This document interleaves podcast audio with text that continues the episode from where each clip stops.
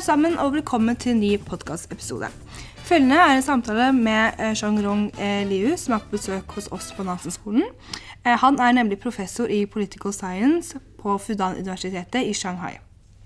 Shang Rung Li er født og oppvokst i Kina og har bred kunnskap og refleksjon om det kinesiske samfunn og kinesisk politikk. Fudan-universitetet er et stort og anerkjent universitet i Kina som ofte blir ansett som topp tre universiteter i Kina. Det er millioner av årlige søkere, men tar imot om lag kun 10 000 elever årlig. I denne episoden går Shang-Rong eh, inn og sammenligner det kinesiske og det vestlige samfunnet og setter det opp mot hverandre. Vi snakker eh, også om ytringsfrihet, økonomi og Kinas framtid. Vi ønsker deg derfor lykke til med lytteropplevelsen.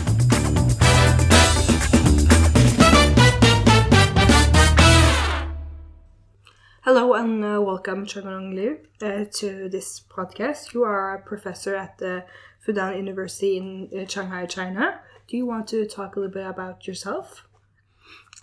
Yeah, um, thank you, uh, Nasa, for and, and, for having me here. Um, yeah, I'm uh, uh, I'm a, I regard myself as a friend of Nansen Academy because we have been doing a lot of uh, um, courses together on summer schools, winter uh, courses, summer courses.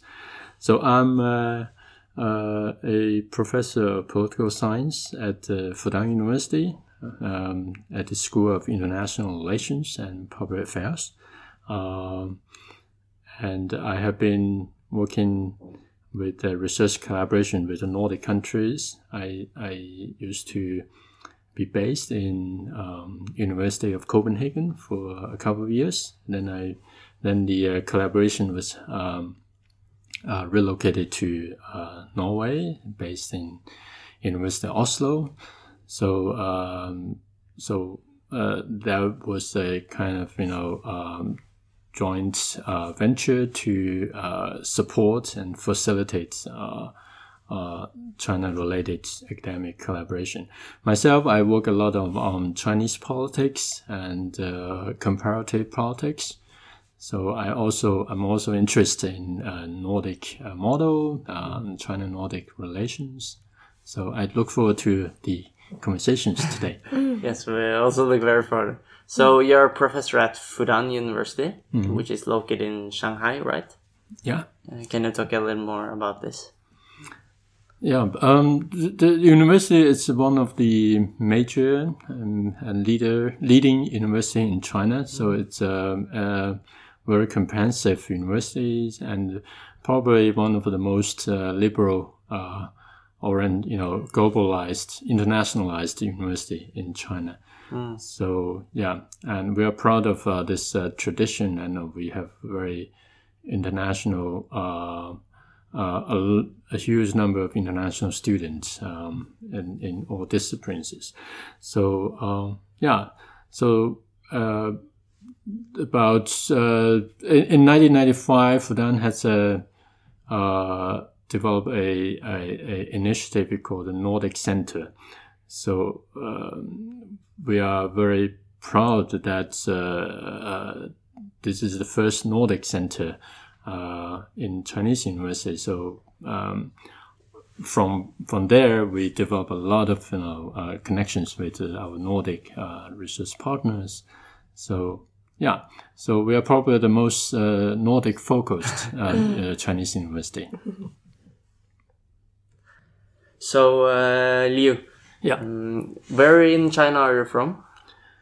Well, I was born and raised in the southern part of China in a um, southern province called Fujian. Um, so um, in the coastal areas. Um, uh, yeah, but I study at, uh, and receive education in, in different places in Great Shanghai. Also, I got my PhD in Hong Kong, and I uh, did my postdoc research in uh, Georgetown University in the United States. So I like being um, uh, a traveler of knowledge and meet different peoples where I learn a lot from from uh, different uh, uh, um, perspectives, including my stay in Nansen Academy, of course. Yeah, yeah, I, and my primarily research and teaching, as I mentioned, it's, it's about Chinese politics and comparative politics. Um, so um, there are a lot of you know um, conversations there. So um, again, uh, I I think uh, we are uh, personally I like to be updated with a lot of debates uh, in this field. Mm. So China is a very different society than Norway. So mm. how was it to attend school in China? And if you know, like you have not maybe attended Norwegian schools, but uh, you have seen Nansen Academy and a little difference. Can you like talk about the main difference between Western schools and Chinese and how it was to go to a, and attend a Chinese school? Yeah.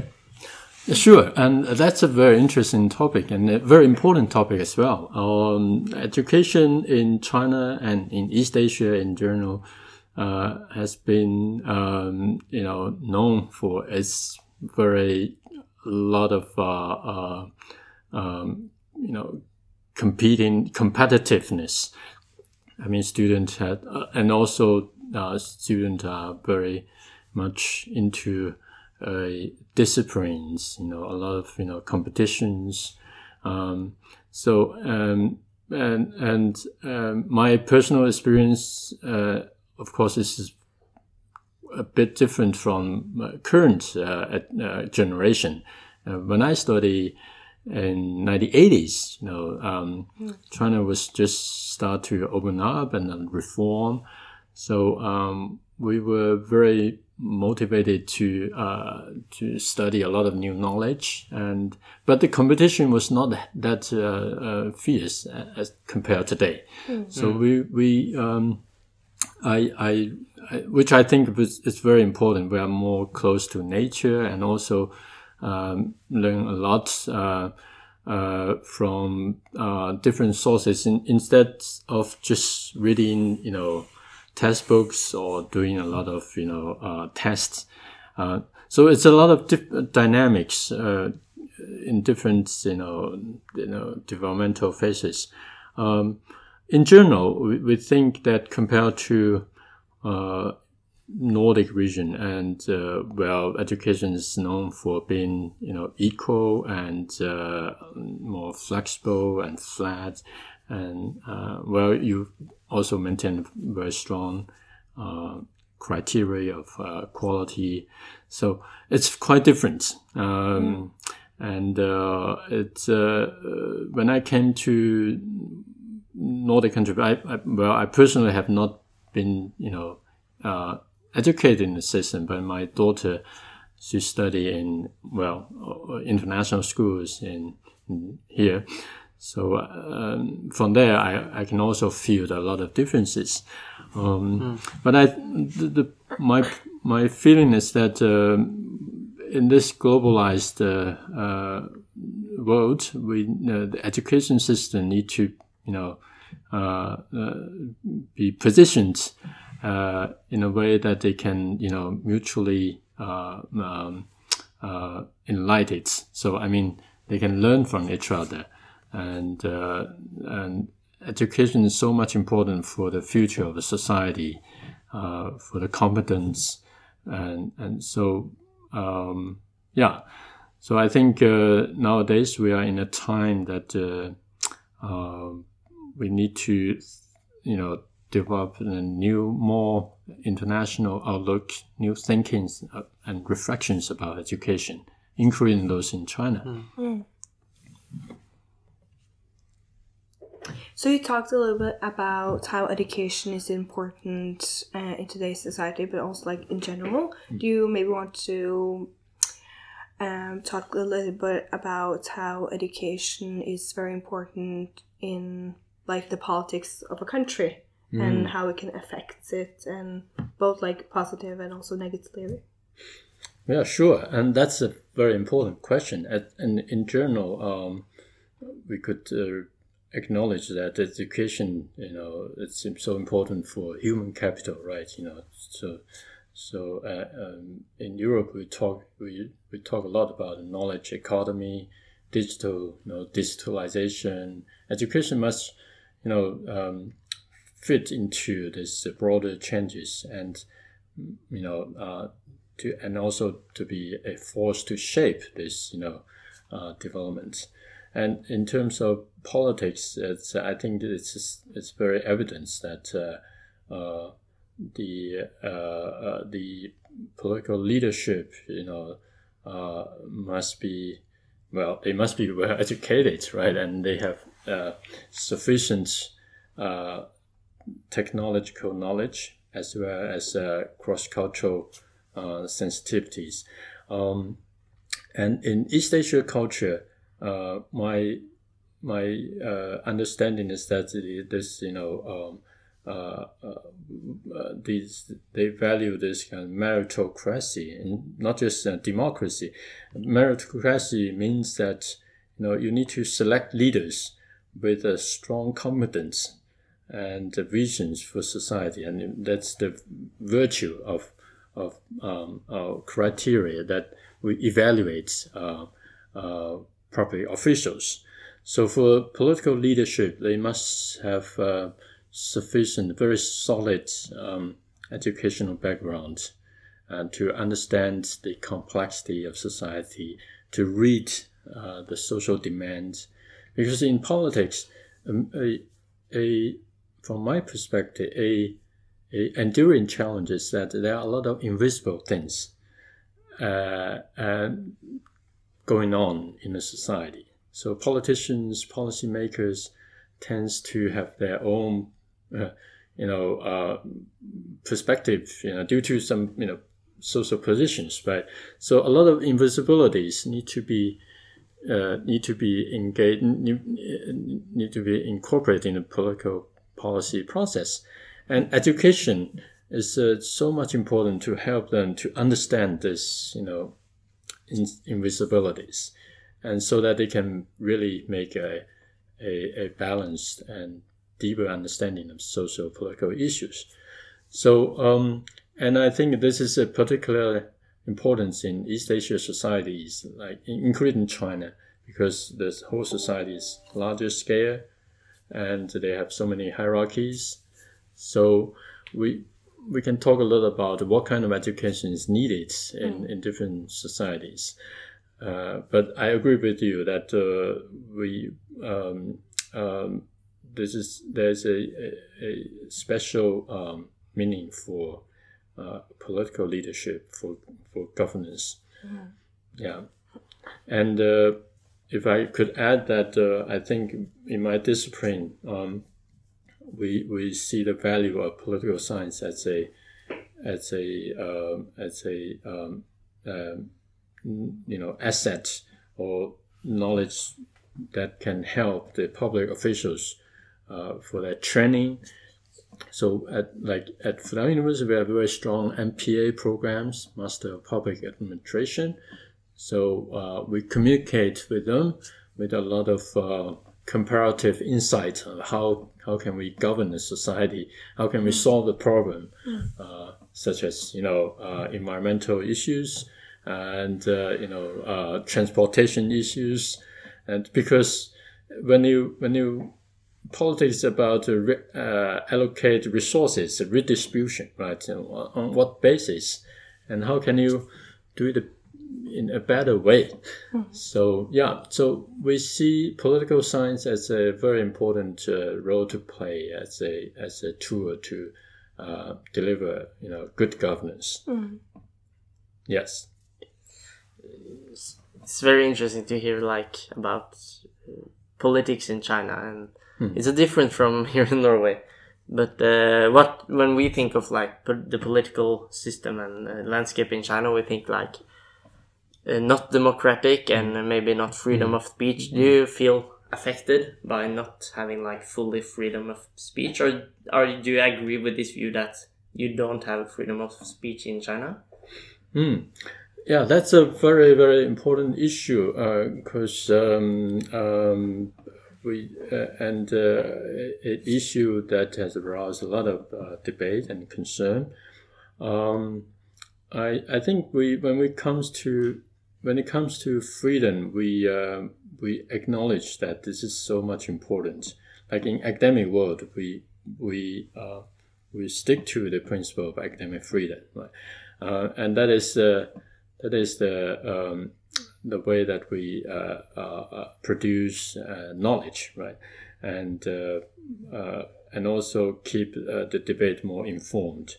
Um, and um, and freedom can be also very tricky concept uh, politically.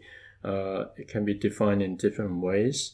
Um, I can say that uh, the Chinese government officially recognized the importance of freedom of uh, speech and assembly in the constitution, if you read it.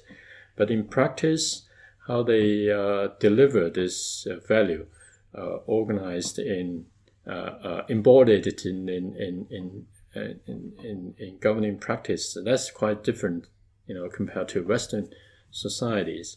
So, um, yeah, but for me, I think uh, I I can I can say that uh, in academic world we we enjoy quite uh, um, sufficient amount of uh, academic freedom. Uh, politically, you can debate about a lot of issues. Um, but uh, certainly there are some boundaries you need to be very uh, sensitive about uh, when it comes to public debates and mm. private mm. conversation. Mm. So, uh, and I think uh, politics is about prudent, being prudent. You know, you have to take into take be uh, face the political reality to think in a very realistic way. Yeah. So. Um, you don't have, in China you don't have a a, a, a, a press uh, like in the West, um, mm. you, you, but still you have uh, some. Uh, uh we have a kind of state uh, organized censorship system, uh, but but beneath that system you can still feel the flow of a lot of ideas. Mm. Um, so it depends how you how you how you see it. Um, yeah. Mm. Mm. So in uh, academies and uh, universities, you think you, it's pretty much freedom of speech, or? Yeah. Um, I think um, I, I can feel that, but of course it's a different uh, story compared to uh, to our counterpart in in in in, in Norway. Mm. Um, yeah, so uh, there are some politically sensitive issues mm. that uh, you may, you know, when you are there, you have to be very sensitive about. Mm. Yeah. Uh, not to, uh, you know, uh, overreach and. Uh, um, um, but we understand that you know uh, there there's boundaries to every you know kind of you know uh, topic that mm. we yeah we may um, we yeah, we we may um, think uh, in uh, how to say in a in a different way. Um, for instance, you can still talk about you know democracy, these things, uh, but uh, you when you when it when it when you bring it this you know sensitive issues into public scene, you have to be aware with the mm. uh, the uh, political reality. Yeah. Mm. So in private conversations, you can like say China should be a democracy and we should like remove the CCP or. Yeah, and you can have a lot of opinions, but of course, then when you when you appeared as a, you know, a researcher and also um, in public uh, arena, you know, mm. it's a different story. Yeah. Mm, Do you okay. feel like um, it holds you back that you don't have like hundred percent political like or freedom of speech? Mm. Um, In your like personal opinion. Yeah, um, of course. I, I think uh, it's very important to um, to to have the different opinions uh, to be articulated. Mm. Yeah, yeah. I personally um, adhere to that. Yeah. Yeah. Yeah. Mm. You will you probably see that that is one of like the huge like differences between like the like different like uh, uh, like society like um, differences between like China and like the Western itself, like the uh, the polit- you don't have freedom to talk about like the political system. Are there any more like differences in the political or like society wise that kind of like divides the Western and China that you want to talk about? Hmm. Yeah, definitely. Uh, the freedom is one thing. As a, as a, as we we can carry on discussing about that because uh, uh, in general, I think uh, in East Asia cultures, uh, the sense of uh, freedom, it's it you could say arguably uh, it is quite different from that, but there are other uh, important uh, elements of differences. Um, like uh, the uh, the sense of uh, uh, being uh, collective uh, responsibility. So we understand that uh, in in Nordic countries we have a very strong um, um, uh, this kind of a solidarity sense, but uh, but but it take a different a bit different form in East Asia culture. Um, um, um, the it's a very very relational. Um, people stick to a lot of you know family and family uh, based relations, and um, and which also play out in in in, in academic life as well. So you, you have to build up a lot of relations, and uh, and uh, and and this this relationship is the source of uh, of your you know uh, uh, um, uh, a lot of the social dynamics. So um, yeah, definitely, I think uh, this kind of uh, the sense of uh, collective uh, responsibility, relationship, uh, it's it's a remarkable um, line of differences between um, China and and and Norway, probably. Hmm. Hmm, it's very interesting. But uh, so in Western media, we hear like we think that uh, our media like tell the truth, and in China we hear stories that like the media tells a different story about different topics, like uh, Tiananmen Square in 1989. Mm. Uh, what happened? Uh, it- the- It's really, really different stories in Western medias and in China and like uh, Taiwan, Tibet, all these questions. Uh. Do you th- can you elaborate? yeah, I understand that. Uh, I mean, um, medias. Uh, uh, there are different types of medias. Uh, some medias play a very strong role in propaganda, and some medias, medias you know, play uh, focus a bit more on you know critical perspectives. And I understand there are a rich variety of that, and. Uh, yeah, uh, and uh, on those uh, on those uh, um, politically uh, controversial and sensitive issues, and I think we we often need to um, listen to uh, uh, different narratives, and so as to um, uh, develop a broader picture. So it's important to stay uh, open-minded and uh, engage in uh, debate and dialogue. So, um, and I would like to say that uh, you know um, it's important to stick to evidence-based uh, narrative. Sometimes we need to read beyond those headlines, and media sometimes in the media industry.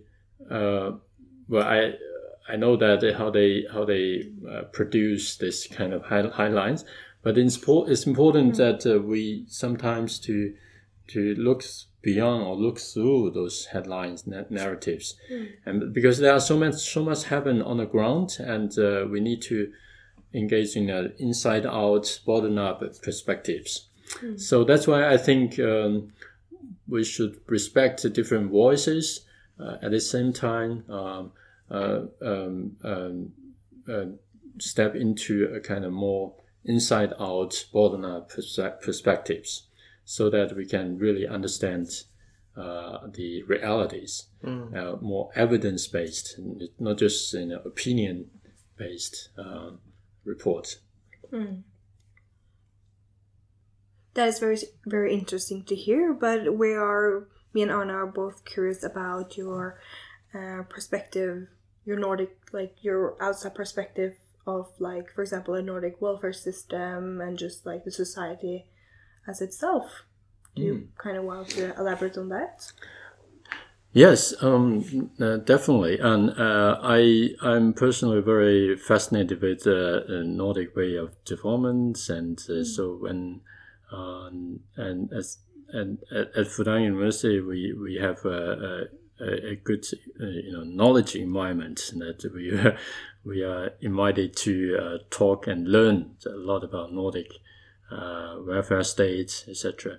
So. Um, I think uh, uh, as a as a political scientist, we we we we tend to see Nordic as a very exceptional um, um uh, form of uh, um, uh, capitalism, or kind of variety of capitalism, right? You know, different way of uh, state society, state market relations. So, um, and we try to understand why this is the case.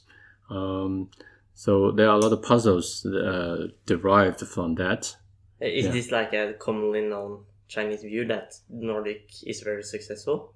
Yeah, of course. It's uh, it's um, it's um, it's if you read a lot of rankings and we uh, um, both uh, in academic and and public and understand know that you know Nordic rank very high in terms of uh, innovation, trust, gender equality, a lot of human development uh, indicators. You know, Nordic countries are the shining, you know, uh, role models, and uh, we try to learn from that and understand, you know, how can we, you know, um, yeah, be inspired from that development. Uh, because this, I, I, uh, anyway, at the end of the day, human beings need to pursue some common goals, right? You know, we want to be uh, um, uh, uh, developed in China is still a developing country, so we have a lot to learn uh, from developed uh, world, in, including those in the Nordic region. Yeah, so um, we need to. I think we need. We can learn a lot about how to make a good balance between uh, state, society, and the market economy. How to regulate uh, market economy, um, and how to uh, how to make uh, the uh, uh, uh, uh, develop a strong innovative capacity while you have a strong state. Because uh, a conventional wisdom uh, of economic development according to uh, uh, uh, uh, liberal uh, liberalism is that you need to make a small states, a liberal states. Um, uh, but in Nordic countries, you can have a bumblebee, but then you know society the, the innovate innovate thinking and capacity is still very strong. So that's uh, make a good puzzle to to to many uh, people in in from the from the east, including China.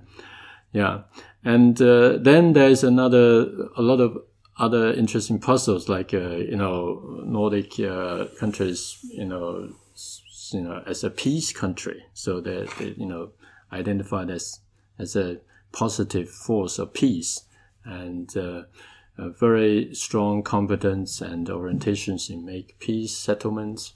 And in in this also global development aids. And again that is a a area and or issue that um, uh, China is very interested with. Yeah. So do you think also it's a goal for the Chinese government for China to become more like the Nordic societies? Or? Well, in a way, it is, but uh, it takes different forms because China Chinese uh, uh, aspiration or pursuit is to build up a, a, a modern socialist country that is, you know, uh, as a long term plan for that, and and uh, I, I think uh, the, it's it has a lot of you know shared um, um, uh, mm, qualities. Uh, at the end of the day, you know, you need to, you know, advocates good education and people enjoys you know a prosperous life. Um, so, but it will take different forms, and uh, we have to know that the Chinese uh, Communist Party has its a socialist uh, aspiration. so that is uh, to maintain a kind of you know equal distribution of wealth. Mm. So for now, you need to go through a a period when you have a very you know engaged in markets economy, but in the end, you need to develop into a more equal society. Mm. The, the wealth should be shared within within the society, but it's not easy. But China is such a huge country, and a lot of you know local variation disparities. So it would take a long way to go, mm. and um, but uh, then still we can learn a lot from Nordic you know uh, experiences mm. and how to make a, a, more equal yet very very vibrant society, mm. innovative society. Yeah. So China wants to like become more socialistic in the future, but right now it seems, at least as a Western perspective, pretty capitalist with like huge differences, uh, and the Chinese economy has, for the last year, maybe gone through a little stagnation. You know, like the very many, the economy mm. may seem like a bubble, and mm. uh, maybe a bit similar, like mm. Japanese economy did in like hmm. halfway through the nineties do you think Chinese China's economy could go through a similar state like Japan did and like stagnate? Hmm. Well, um, yeah, the, your observation is quite right. Um, uh, I think uh, the, the, the the Chinese economy is it's uh, is now entering into a new phase. Uh, we um, in in the past uh, three or four decades, you see a rapid growth of GDP, right? And now, uh, uh, apparently, it uh, has entered into a, a, deep water in which you need to uh, uh, uh, develop a lot of you know, structural reforms to accommodate it to new situation, including a, a rapidly aged population right? You know, the supply of labor force.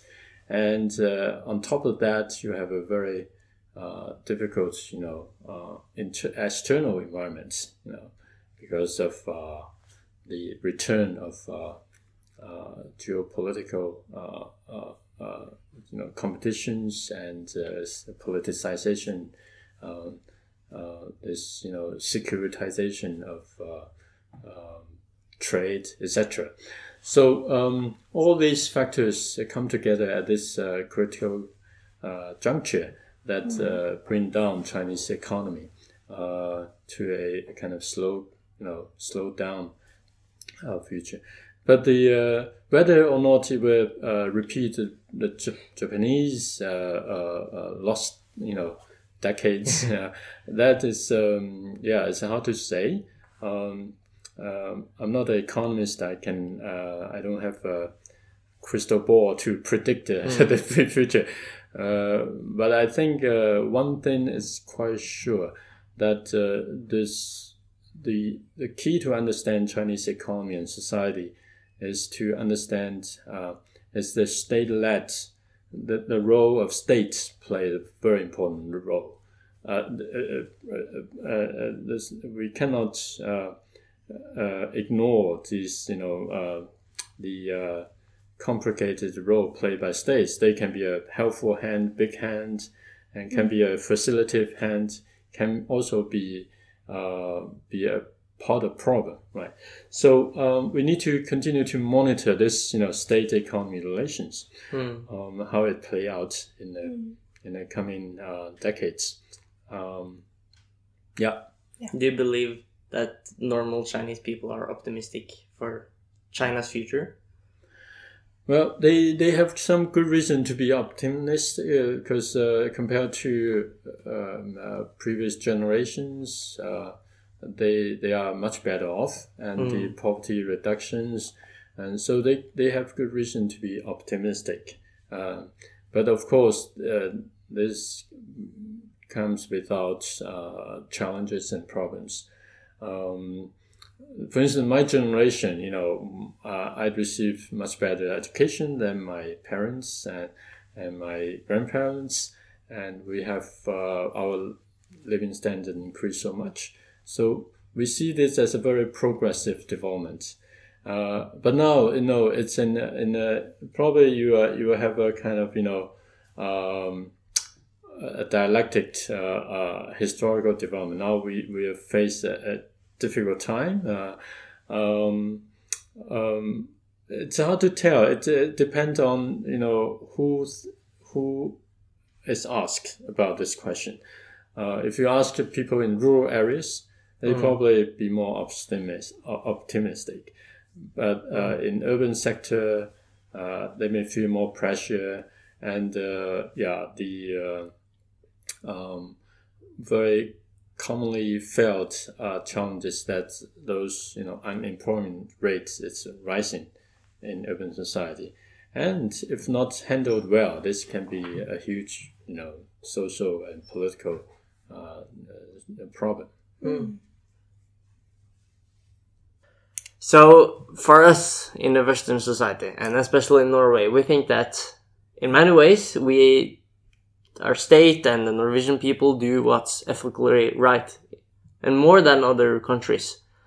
Uh, and the, especially the media and the Norwegian people uh, think of China as a especially the state, not the people, but the state does like many unethical things and uh, are imperialistic in ways. Uh, but what do you think of this? And do you have like a same type of critique of the West? What do you think is bad uh, with the Western uh, international mm. Mm. role? Yeah, that's a very interesting question. I, I think um, um, as human beings and uh, uh, we share some common values and and uh, and uh, aspirations, and that can be a very important base for international collaboration and dialogue. Um, but this should not be um, um, uh, develop into a story of a moral crusade or something, you know, um, uh, because there are different cultures and histories that inform uh, different values, uh, which we should uh, be able to uh, understand and uh, navigate. And they are not static things. I'm not saying in the sense of like a cultural essentialist. every culture is living things and open to, you know, transformation so when when when the West's uh, narratives about the East um, uh, derived from Western history and and values, um, it can be uh, very helpful to address some problems there. But it, it can also be a part of problem, create new problems mm. there. Mm. So we need to. Uh, that's why a kind of um, a, a, a cross cultural dialogue mutual understanding is so important, and uh, which is it's a create a, a, platform that we can engage in, in, in deeper mutual understanding. So, um, and I think that's the key to uh, address um, uh, a lot of uh, uh, uh regional and global challenges. Um, yeah, we need the, the the key is that we need to engage in in in, um, um, in, in, productive dialogue and uh, with sufficient uh, cultural sensitivity. Mm. Yeah. Do you consider yourself as a patriot? As a patriot?